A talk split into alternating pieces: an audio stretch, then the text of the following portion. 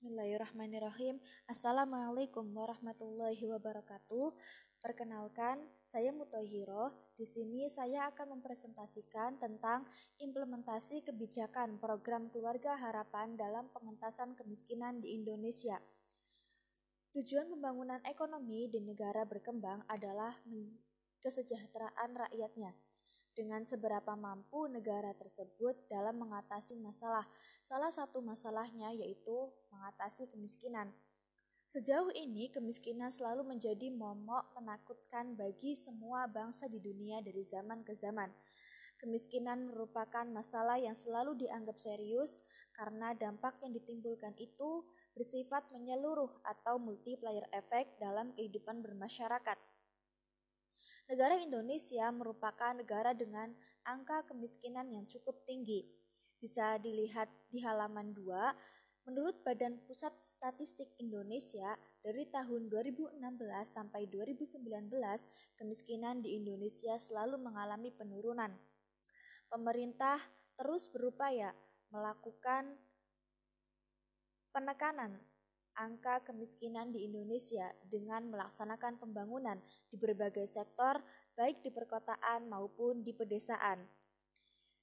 Bisa kita lihat bersama di halaman 3, menurut Badan Pusat Statistik Indonesia, angka kemiskinan di perkotaan jauh lebih kecil dibandingkan angka kemiskinan di pedesaan. Hal itu tentu dapat menimbulkan kesenjangan di antara dua daerah tersebut. Saat ini, program yang diluncurkan pemerintahan Bapak Joko Widodo dalam pengentasan kemiskinan salah satunya adalah program Keluarga Harapan atau PKH. Program Keluarga Harapan diluncurkan oleh pemerintah pada tahun 2007 dengan maksud dan tujuan menanggulangi kemiskinan dan perlindungan sosial. Program Keluarga Harapan atau PKH adalah perlindungan sosial bersyarat kepada keluarga miskin untuk mendapatkan bantuan yang ditetapkan sebagai keluarga penerima manfaat Program Keluarga Harapan atau KPM PKH. Program ini diterapkan pada negara-negara lain dengan nama kondisional cash transfer atau CCT yang dinilai cukup berhasil.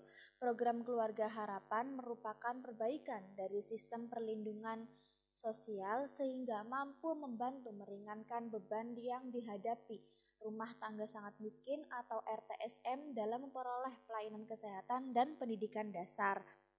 Menurut Kementerian Sosial Indonesia, Bantuan program keluarga harapan ini ada dua jenis, yaitu bantuan tetap untuk setiap keluarga dan bantuan komponen untuk setiap jiwa dalam keluarga PKH. Untuk bantuan tetapnya yaitu ada reguler dan PKH akses.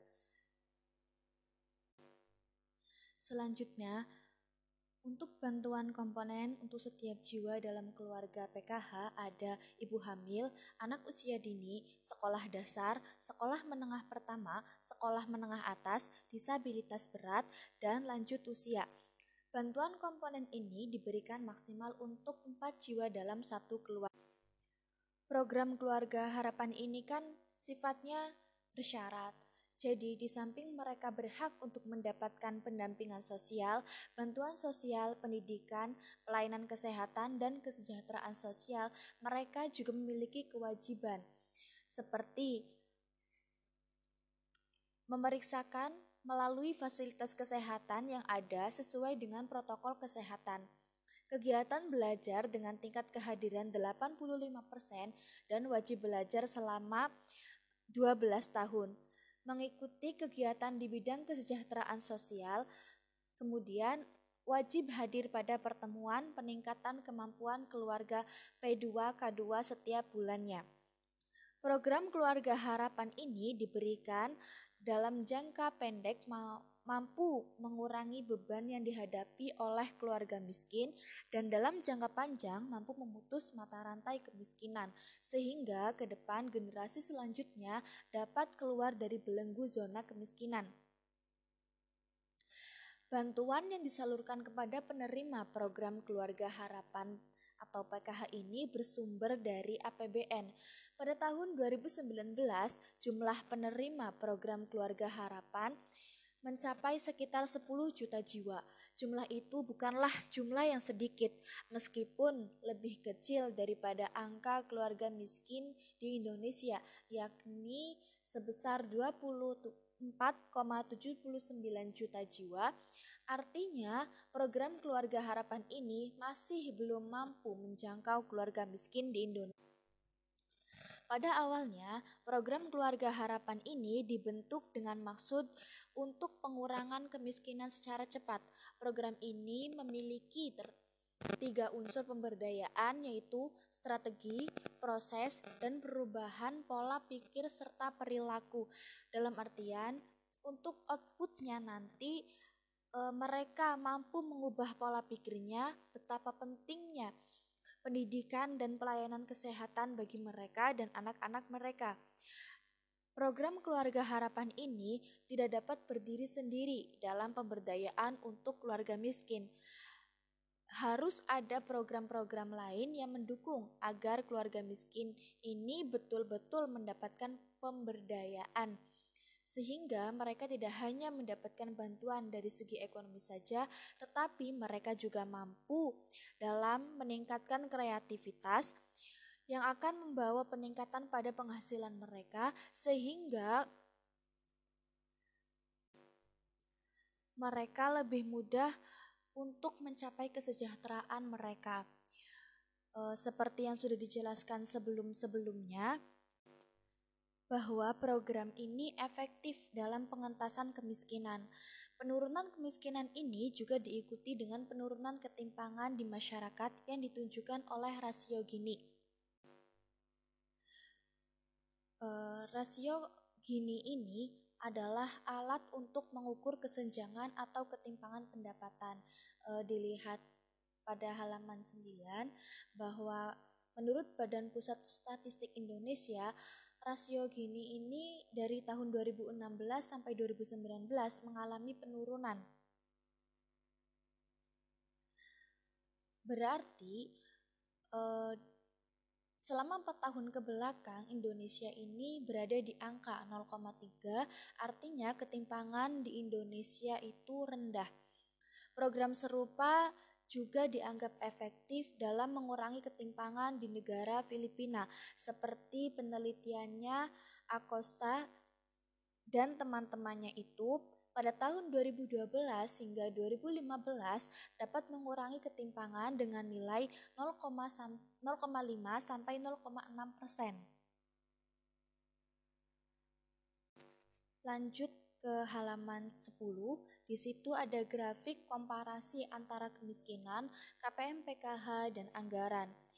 E, dilihat dari grafik tersebut bahwa kemiskinan sudah menurun, namun ada peningkatan antara jumlah keluarga penerima manfaat program keluarga harapan dengan jumlah anggaran yang disediakan pemerintah untuk program tersebut.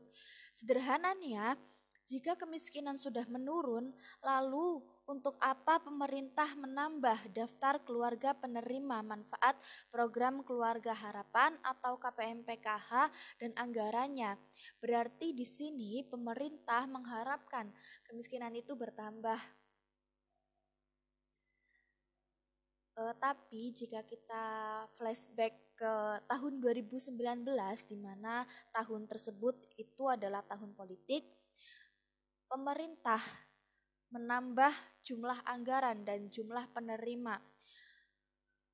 PKH ini dengan maksud menjadi daya tarik khusus, pemerintah hanya ingin menambah elektabilitas atau citra di mata masyarakat sehingga dapat menjadi jalan ampuh untuk menarik suara sebanyak-banyaknya bagi para petahana yang maju dalam pemilu tahun 2019. Ketika bantuan yang diterima masyarakat semakin banyak dan merata, maka akan menambah kepercayaan masyarakat kepada pemerintah dan masyarakat akan senang dengan pemerintahan tersebut. Namun, fakta di lapangan menunjukkan bahwa masih banyak warga kaya yang menerima bantuan tersebut. Hal itu tentu menjadi keluhan warga miskin yang tidak mendapatkan bantuan tersebut. Seperti yang diberitakan di Radar Solo dan Bisnis Tempo bahwa e, di daerah kisaran Kabupaten Asahan, menurut penuturan Kepala Kecamatan bahwa PPKH pendamping program Keluarga Harapan mereka harusnya lebih aktif dalam berkomunikasi dan berkoordinasi dengan pemerintah setempat agar bantuan tersebut juga tepat sasaran. Hal serupa juga terjadi di Solo. Sekitar 30% penerima program Keluarga Harapan atau PKH ini tidak tepat sasaran seperti memiliki motor tiga dan rumah mewah tapi masih mendapatkan bantuan dari pemerintah.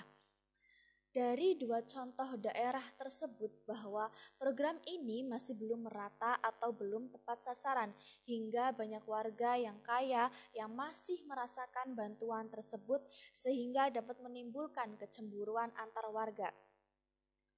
E, demikian presentasi yang dapat saya sampaikan. Kurang lebihnya mohon maaf.